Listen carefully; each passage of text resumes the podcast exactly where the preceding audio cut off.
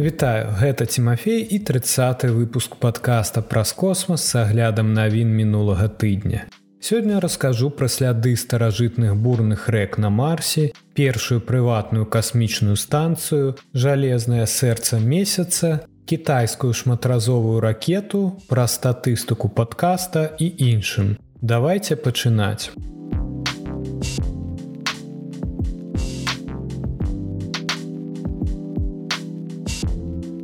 Марсаход Персеверанс выявіў сляды старажытных бурных рэк на Марсе. Ёсць шмат прыкмет таго, што на чырвонай планеце даўным-даўно цякла вадкая вада.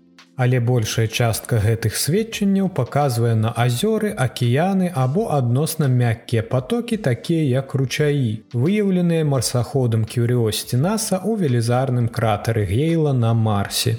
Але малодшы стрыечны брат Кюрыосці Персеверанс, які даследуе іншы кратер Марса пад назвай Джзераў, натыкнуўся на даўно мёртвае рэчышча ракі, якое выглядае зусім па-іншаму.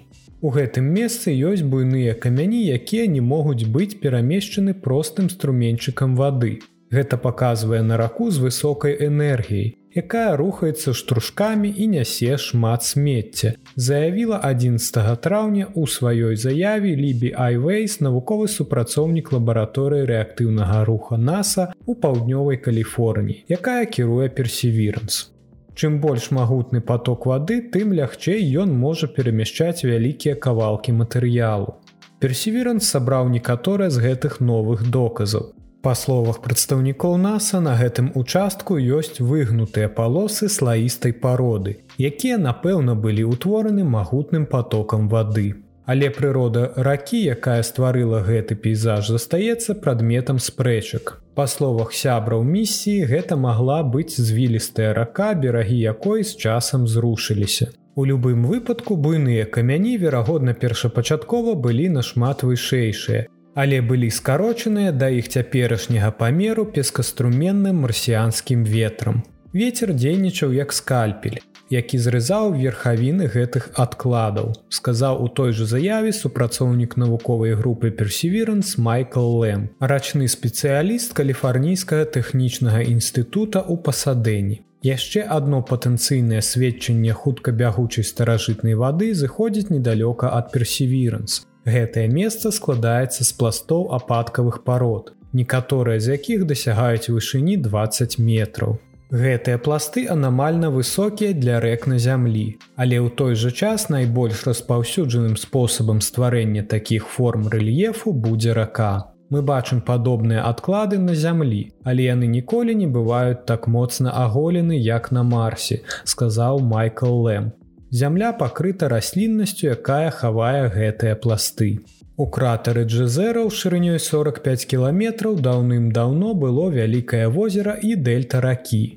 Персевіранс працягне даследаваць гэтае інтрыгуючае асяроддзе, якое па меркаванняў навукоўцаў даўным-даўно было здольнае падтрымліваць зямное жыццё. Што цікава, мы ўступілі ў новую фазу гісторыі джезераў і мы ўпершыню бачым такое асяроддзе на Марсе. Сказала ў той жа заяве намеснік навуковага супрацоўніка праекта Персеверанс Кейці Стак Морган. Мы думаем аб рэках у іншым маштабе, чым раней.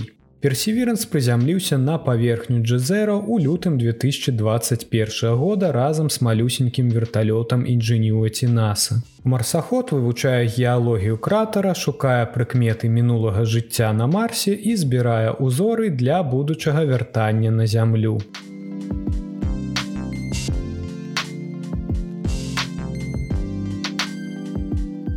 Vast Space запусціць першую прыватную станцыю на ракете SpaceX у 2025 годзе. Першая ў гісторыі прыватная касмічная станцыя можа быць запущена на калязямную арбіту крыху больш чым праз два гады.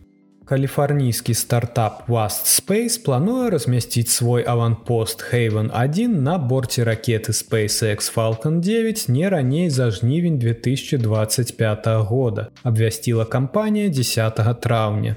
За гэтай першапачатковай місіі неўзабаве рушыць Васт 1 падарожжа да новай станцыі, якое складаецца з чатырох чалавек і якое можа доўжыцца да 30 дзён. Васт-1 таксама будзе запущены на Falалcon 9, а яго астранаўты будуць лятаць на капсуле SpaceX Dragon. Васт вельмі рады пачаць гэта падарожжа па запуску першай у свеце камерцыйнай касмічнай станцыі Хейвен 1 і яго першага экіпажа Васт-1, заявіў генеральны дырэктар Васт Джет Макалап у прэс-рэлізе. Мы удзячны SpaceX за гэта захапляльнае партнёрства, якое ўяўляе сабой першыя крокі ў доўгатэрміновай перспектыве васт па запуску значна буйнейшых касмічных станцый са штучнай гравітацыі на калязямной арбіце і за яе межамі. Урэшце рэшт кампанія мае намер эксплуатаваць шматмодульную касмічную станцыю са штучнай гравітацыяй даўжынёй 100 метров якая запускаецца транспартнай сістэмай SpaceX Starship, напісалі прадстаўнікі Васт. Нагадаю, Starship гэта самая магутная з калі-небудзь створаных ракет і якая ўсё яшчэ знаходзіцца ў распрацоўцы. У мінулым месяцы яна ўпершыню паднялася ў паветра ў рэжыме поўнай кампаноўкі. У падтрымку гэтага васт вывучыць магчымасць правядзення першага ў свеце эксперыменту з штучнай гравітацыі на камерцыйнай касмічнай станцыі з дапамогай Хэван1. Кампанія прадае да чатырох месцаў на васт1. Кошт квіткоў публічна не выдаецца. SpaceX падрыхтуе астранаўтаў, скафандры і іншыя падобныя паслугі для місіі, як гэта было для IX1 у красавіку 2022 года з прыватным палётам на міжнародную касмічную станцыю пад кіраваннем х'юстонскай кампаніі Axiom Space. Хейвен 1, які ў выніку будзе ўключаны ў якасці модуля ў буйнейшую касмічную станцыю, калі ўсё пойдзе па плане, з'яўляецца адным з некалькіх аванпастоў, змешчаных у распрацоўцы.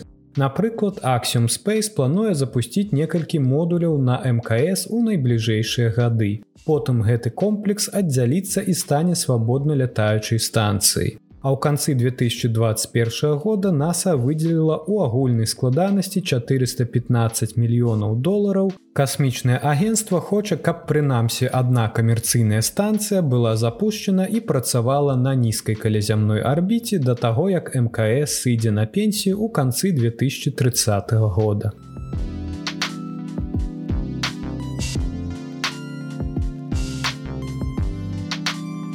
Місія па ачыстцы касмічнага смецця будзе запущена ў 2026 годзе на борце ракеты Ariан Space. Швейцарскі стартап Клеаспейс плануе запусціць актыўную місію па выдаленні касмічнага смецця не раней за першую палову 2026 года. Гэтая місія, вядомая як Клеаспейс 1 будзе запущена на борце ракеты Arian Space Вегасі. Паводле прэс-рэлізу выпушчанаму ў аўторак 9 траўня Клеаспейс 1 накіраваны на сустрэчу захоп і выдаленне часткі касмічнага смецця. Калі ўсё пойдзе па плане місіі, якую фінансуе еўрапейскае касмічнае агенцтва, касмічны карабель Клеаспейс 1 у якасці тэсту сустрэнецца з адаптарам карыснай нагрузкі, пакінутым пасля запуску ракеты Вега ў 2013 годзе. Адаптар ужо знаходзіцца ў стане паступовай утылізацыі, што азначае, што ён зваліцца зваротна у атмасферу зямлі натуральным шляхам. Простая форма гэтага касмічнага смецця дазволіць місіі прадэманстраваць тэхналогіі касмічнага карабля і яго квартэта рабатызаваных маніпулятараў, тым самым адкрываючы шлях для больш складаных місій з некалькімі захопамі за палёт. Па дадзеных еўрапейскага касмічнага агенства спачатку касмічнай эры ў 1957 годзе людзі адправілі ў космас больш за 12 тысяч спадарожнікаў. Хоць большасць з іх актыўныя або натуральным чынам увайшлі ў атмасферу зямлі, паводле ацэнак еўрапейскага касмічнага агенства, на арбіце ўсё яшчэ знаходзіцца 3000 непрацуючых касмічных апаратаў. Кожны год запускаюцца сотні новых спадарожнікаў. Многія з іх з'яўляюцца часткай мегасузор'я SpaceX Starlin. Мэтай якога ў канчатковым выніку будзе 40 тысячаў удзельнікаў на арбіце, што ў 10 разоў больш чым 4 тысячи дзеючых у цяперашні час караблёў Starlin. Акрамя таго, ёсць аскепкі пакінутыя касмічнымі місіямі. Паводле ацэнак еўрапейскага касмічнага агенства, На арбіце зямлі знаходзіцца каля 30 з паловай тысячу аб'ектаў смецця шырынёй больш за 10 сантиметраў. 1 мільён аб'ектаў памерам ад 1 до 10 сантиметраў і 330 мільёнаў аб'ектаў памерам менш за 1 сантиметр. І кожная з гэтых частак круціцца вакол зямлі з неверагоднай хуткасцю. Напрыклад, міжнародная касмічная станцыя, якой десяткі разоў даводзілася адхіляцца ад арбітальнага смецця, знаходзіцца на арбіце, дзе аб'екты лётаюць з хуткасцю каля 27 тысяч кіламетраў у гадзіну. Чым больш касмічных караблёў і частак, тым вышэй рызыка таго, што абломкі ўрэжацца адзін у аднаго, ці нават урэжацца ў актыўны касмічны карабель, што часам здараецца, нягледзячы на ўсе намаганні аператараў. На сённяшні дзень ракета Вегасі здзейсніла два палёты ў космас. Яе першы палёт у ліпені 2022 года прайшоў паспяхова. Але другі, які пачаўся 20 снежня, пацярпеў няўдачу з-за няспраўнасці сопла ракеты. Arian Space абавязалася выканаць рэкамендацыі місіі па расследаванні і накіраваць яшчэ адзін запуск Вегасі на канец 2023 года. Вегасі з'яўляецца больш магутным прыемнікам лінейкі Вега, якая дэбютавала ў 2012 годзе. Вегасі можа адправіць 2300 кілаграмаў карыснай нагрузкі на сонечна-сінхронную арбіту вышынёй 700 кіламетраў.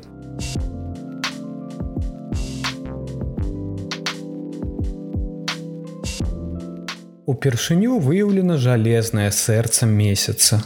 Каля 20 гадоў таму навукоўцы змаглі выкарыстоўваць кручэнне месяца, каб вызначыць, што ў яго ёсць вадкае знешняе ядро але адносна невялікі памер унутранага ядра ускладніў яго даследаванне. Цяпер новае даследаванне адкрыла сэрца месяца як ніколі раней, прадэманстраваўшы, што ў яго ёсць цвёрдае ядро, якое складаецца з жалеза падобнага да зямлі. Знаходкі раскрываюць дэталі ўнутранай структуры месяца, якія раней былі ўтоены і могуць растлумачыць, чаму ў месячнай кары прысутнічаюць матэрыялы багатыя жалезам. Даследаванне недраў месяца было праведзена навукоўцамі з універсітэта блакітнага берага, абсерваторыі блакітнага берага, універсітэта сарбоны і парыжскай абсерваторыі. Фарміраванне і эвалюцыя натуральнага спадарожніка зямлі да гэтага часу уяўляе сабой загадку для навукоўцаў. І да гэтага часу вядуцца спрэчкі аб прыродзе яго больш глыбокіх пластоў. Спрэчкі, якія могуць быць вырашаны гэтым даследаваннем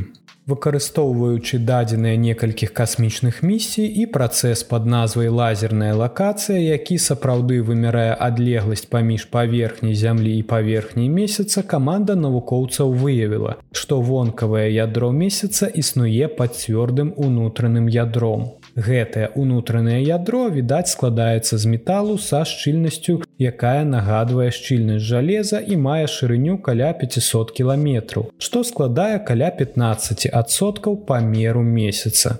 У дадатак да гэтага адкрыцця даследчыкі таксама знайшлі доказы, якія пацвярджаюць ідэю, што матэрыял у пласце паміж ядром месяца і яго карой, званай мантай, перамяшчаўся па меры эвалюцыі месяца з моманту яго ўтварэння.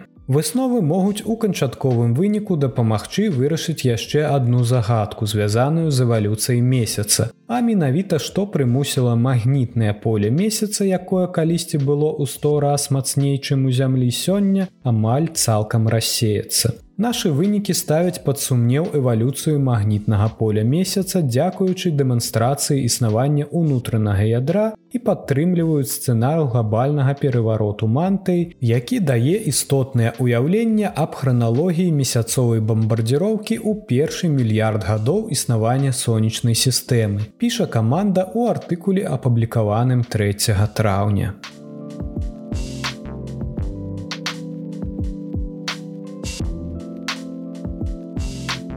Кітайскі стартап плануе прадставіць новую шматразовую ракету ў наступным годзе. Кітайскі стартап прадпрымае крокі да запуску сваёй невялікай ракеты падобнай на Falалcon 9. Кампанія Galactic Energy была створана ў 2018 годзе і ўжо працуе над тэставым запускам сваёй ракеты Палас 1. Палас-1 абсталяваны уласнымі газакіслароднымі рухавікамі і зможа выводзіць на нізкую калязямную арбіту карысны груз масай 5000 кілаграмаў. Стартап ужо зрабіў сабе імя, паспяхова распрацаваўшы і запусціўшы лёгкую цвердапаліўную ракету Сірис-1. Кожны з пяці запускаў Сірис-1, пачынаючы з лістапада 2020 года, быў паспяховым, што стала ўражлівым пачаткам для кампаніі. Тым не менш, галактик Energy спадзяецца здзейсніць сапраўдны прарыў з дапамогай вадкаснай ракеты Палас-1. Нядаўна выпушчаны кампаніяй ролик паказвае корпус ракеты Палас-1 і мадэль ракеты вельмі падобную на SpaceX Falcon Heavy, якая, як чакаецца ў бліжэйшыя гады рушыць услед за Палас-1. Аднак ракета носьбіт сярэдняй грузапад'ёмнасці Палас-1 уяўляе сабой набор значна больш сур'ёзных праблем, чым цвердапаліўны Сірис-1. Новая ракета выкарыстоўвае газ і вадкі кісларод што патрабуе значна больш складаных рухавікоў. Палас 1 таксама прызначаны для шматразовага выкарыстання. А гэта азначае, што кампаніі неабходна будзе пераадолець цяжкасці, звязаныя не толькі з дастаўкай карыснай нагрузкі на арбіту, але і з накіраваннем першай прыступкі да фіксаванай кропкі на зямлі, перазапускам рухавікоў і выкананне імпульснай пасадкі. У мінулым годзе галактик Energy прыцягнула 20 мільёнаў даляраў на распрацоўку палас-1. Кітаю яшчэ трэба распрацаваць шматразовую ракету. Толькі амерыканскім кампаніям SpaceX арбітальная і Blue Origin субарбітальная пакуль удалося пасадзіць і паўторна выкарыстоўваць ракеты такога тыпу. Галактик Energy сутыкаецца з канкурэнцыяй у Кіаі з боку іншых прыватных стартапаў, якія распрацоўваюць шматразовыя вадкасныя ракеты.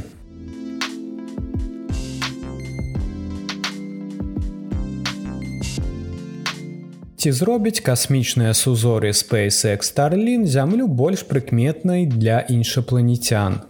Новае даследаванне мяркуе, што іншапланецяне змогуць падслухоўваць зямлю з найбліжэйшых зорак, тым больш, што SpaceX адпраўляе ў космос усё больш спадарожнікаў. Даследаванне паказала, што уцечка радыёсігналаў з вышак мабільнай сувязі на зямлі, верагодна, можа быць выяўлена з бліжэйшых сістэм, такіх як зорка Барнарда, прыкладна ў шасці светлавых гадах ад нас. Пры умове, што ў іншапланецян ёсць прыдатнае абсталяванне. Такія сігналы зараз слабыя, але верагодна яны будуць узмацняцца, паколькі SpaceX працягвае запускаць на арбіту інтэрнэт-спадарожнікі.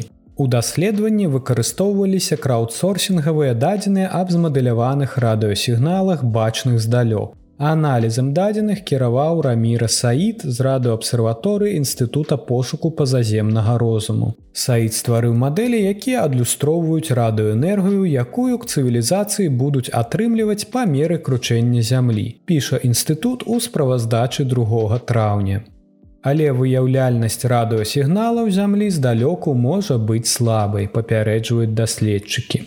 У той час, як трафік традыцыйнага радыёвяшчання зніжаецца, больш магутныя радыёмаякі падключаюцца да сеткі для іншай мэты, такой як мабільная сувязь. Акрамя таго, краіны глобальнага поўдня ўносяць большы ўклад у радыётрафік, чым у папярэднія дзегоддзі, што прадугледжвае вялікія эканамічныя выгады ў гэтай галіне ў параўнанні з астатнім светам. Я чуў, як многія калегі мяркуюць, што ў апошнія гады зямля становіцца ўсё больш радыёмаўклівай. Я заўсёды аспрэчыў гэта сцвярджэнне. сказаў кіраўнік групы Майкл Гаррет, прафесор манчестэрскага універсітэта ў Англіі. Хоць гэта і праўда, што сёння ў нас менш магутных тэлі і радыёперадавальнікаў, а распаўсюджванне сістэм мабільнай сувязі па ўсім свеце значныя, дадаў ён. У той час як кожная сістэма па асобнасці ўяўляе сабой адносна нізкую радыёмагутнасць, сукупны спектр мільярдаў гэтых прылад значны. Каманда мяркуе, што адным з пашырэнняў даследавання можа быць вывучэнне экзапланет, а іншым напрамкам можа быць аналіз крыніц уцечкі радыёсігналаў зямлі, якія верагодна будуць уключаць сеткі Wi-Fi, радары для ваенных і грамадзянскіх агенцтваў, мабільныя тэлефоны і нават спадарожнікі групоўкі такія як Starlink кампаніі SpaceX. Як я казаў раней у гэтым выпуску подкаста SpaceX нядаўна перавысіла 4000 асобных актыўных старлінка на арбіце і спадзяецца павялічыць гэты лік як мінімум да 40 тысячаў. Калі SpaceX і іншыя кампаніі запусцяць десяткі тысяч спадарожнікаў, штучны радыосігнал зямлі будзе нашмат лягчэй выявіць. Паводле бягучых ацэнак да канца дзесяцігоддзя у нас будзе больш за 100 тысячаў спадарожнікаў на нізкай калязямной арбіце і за яе межамі. Зямля ўжо анамальна яркая ў радыёдапазоне спектра, сказаў Майк Гаррет. А калі гэтая тэндэнцыя захаваецца, нас можа лёгка выявіць любая развітая цывілізацыя з адпаведнай тэхналогіяй.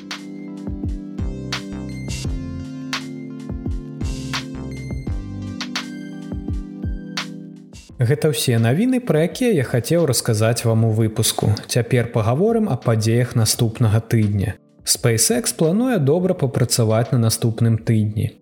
18 траўня ракеты SpaceX Falcon 9 запусціць чарговую партыю інтэрнэт-спадарожнікаў другога пакалення Starlink V2 міні. 19 траўня ракета SpaceX Falcon 9 запусціць 15 запасных спадарожнікаў для глобальнай інтэрнэт-сеткі OneWeb першага пакалення і адзін прататып для сеткі другога пакалення OneWeb Gen 2. У рамках гэтай місіі таксама будуць запущены 5 запасных спадарожнікаў для флоту рэтранслятараў голасу і данных іридиум. Паскаральнік першай прыступкі Falcon 9 вернецца ў зону прызямлення 4 у Вандербергу. 21 траўня ракета SpaceX Falcon 9 запусціць касмічны карабель Клю Драган у рамках 10 палёту праграмы з астранаўтамі. Камерцыйную місію, якой кіруе Аксиум Space узначальвае былы астранаўт NASAа Пегі Уитсон. Платны пасажыр Джон Шофнер будзе пілотам місіі. Два камерцыйныя касмічныя пасажыры саудаўскай Аравіі Алі Аль-Карні і Раяна Барнауі таксама адправяцца на касмічную станцыю прыкладна на 12 дзён. Крю Драган вернецца да прываднення ў моры ля ўзбярэжжа Флорыды. Ракета-носьбіт першай прыступкі Falалcon 9 прызямліцца на беспілотны карабель у атлантычным акіяне. Адкладзена з 8 траўня з-за затрымкі папярэдняга запуску Falалcon 9.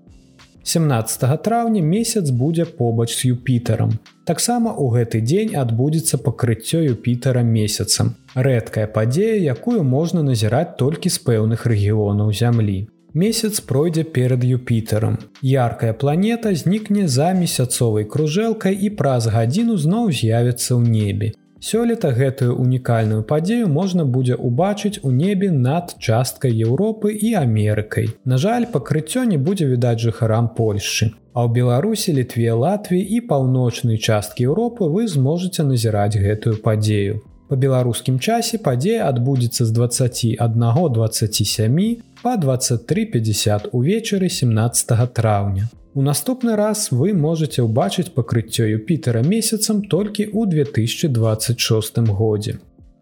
Вось і падышоў да канца 30 выпуск подкаста. Першы выпуск быў апублікаваны 25 кастрычніка 2022 года і пасля гэтага я рабіў падкаст кожны тыдзень. Спадзяюся, за гэтыя 30 тыдняў вы даведаліся шмат новага і цікавага. Колькасць праслухоўванняў за гэты час склала 2800.